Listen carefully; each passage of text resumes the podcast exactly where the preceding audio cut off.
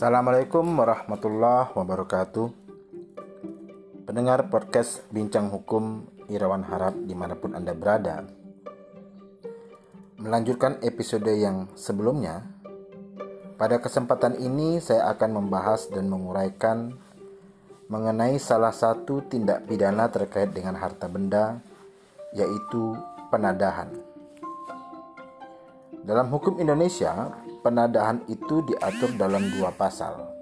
Pertama adalah pasal 480 KUHP atau Kitab Undang-Undang Hukum Pidana dan yang kedua adalah pasal 481. Kita mulai dengan melihat pasal 480. Pada 4 pada pasal 480 diuraikan diancam dengan pidana penjara paling lama 4 tahun atau pidana denda paling banyak 900 rupiah.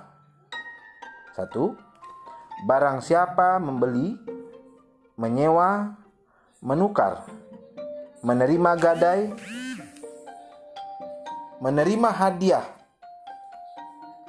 atau untuk menarik keuntungan, menjual, menyewakan, menukarkan, menggadai, mengangkut, menyimpan atau menyembunyikan sesuatu benda yang diketahui atau sepatutnya harus diduga bahwa diperoleh dari kejahatan penadahan.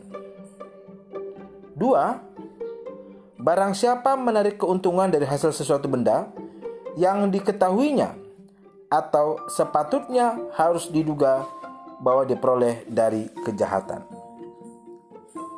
Delik penadahan sebagaimana dirumuskan pada pasal 480 KUHP pada umumnya bersifat formil. Artinya, tidak adanya pihak lain yang dirugikan bukanlah menjadi penghalang perkara ini untuk diproses. Atau ada tidak adanya pihak lain yang dirugikan bukanlah unsur yang menentukan. Tidak ada pengaturan yang mengharuskan untuk lebih dahulu menuntut dan menghukum orang yang mencuri sebelum menuntut dan menghukum orang yang menadah. Maksudnya, apabila seseorang mencuri, kemudian menjual hasil curiannya kepada seseorang, dan seseorang itu kemudian eh, diancam dengan delik penadahan, maka tidak ada keharusan orang yang mencuri tersebut haruslah dihukum terlebih dahulu sebelum menuntut orang yang melakukan penadahan tadi. Salah satu putusan yang mengatakan hal tersebut adalah putusan Mahkamah Agung nomor 79 K garis miring KR garis miring 1958 tanggal 9 Juli 1958 yang mengatakan kaidah hukumnya adalah adanya orang yang kecurian dan adanya barang-barang yang berasal pencurian itu terdapat pula penadahnya. Sudah cukuplah untuk menuntut orang yang bersangkutan karena penadahan. Jadi uh, ini menjadi uh, sebuah uh, apa ya warning ya uh, bahwa apabila ada seseorang yang kemudian menawarkan kepada kita untuk membeli sesuatu benda kemudian kita sebenarnya sudah curiga kenapa kok kemudian harganya jauh lebih murah? Kemudian kok kelengkapan surat-suratnya tidak ada? Kotak handphonenya sudah tidak jelas lagi dan sebagainya. Dan itu rasanya kita ada keraguan sebaiknya tidak usah kita lanjutkan e, transaksinya. Karena apa?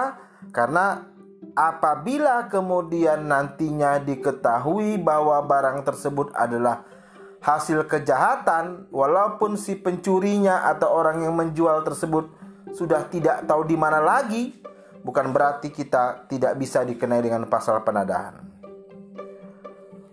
Pasal 481 KUHP sebagai kelanjutan pasal 480.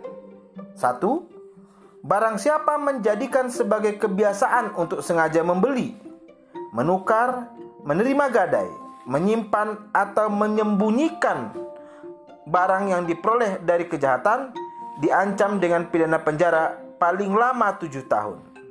Dua, yang bersalah dapat dicabut haknya berdasarkan pasal 35 nomor 1 hingga 4 dan haknya untuk melakukan pencaharian dalam mana kejahatan dilakukan.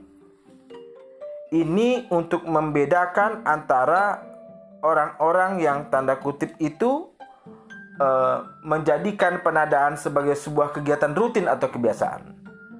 Menurut HR, tanggal 27 Juli 1895, untuk adanya sebagai kebiasaan adalah perlu adanya pengulangan perbuatan yang menunjuk pada adanya kebiasaan.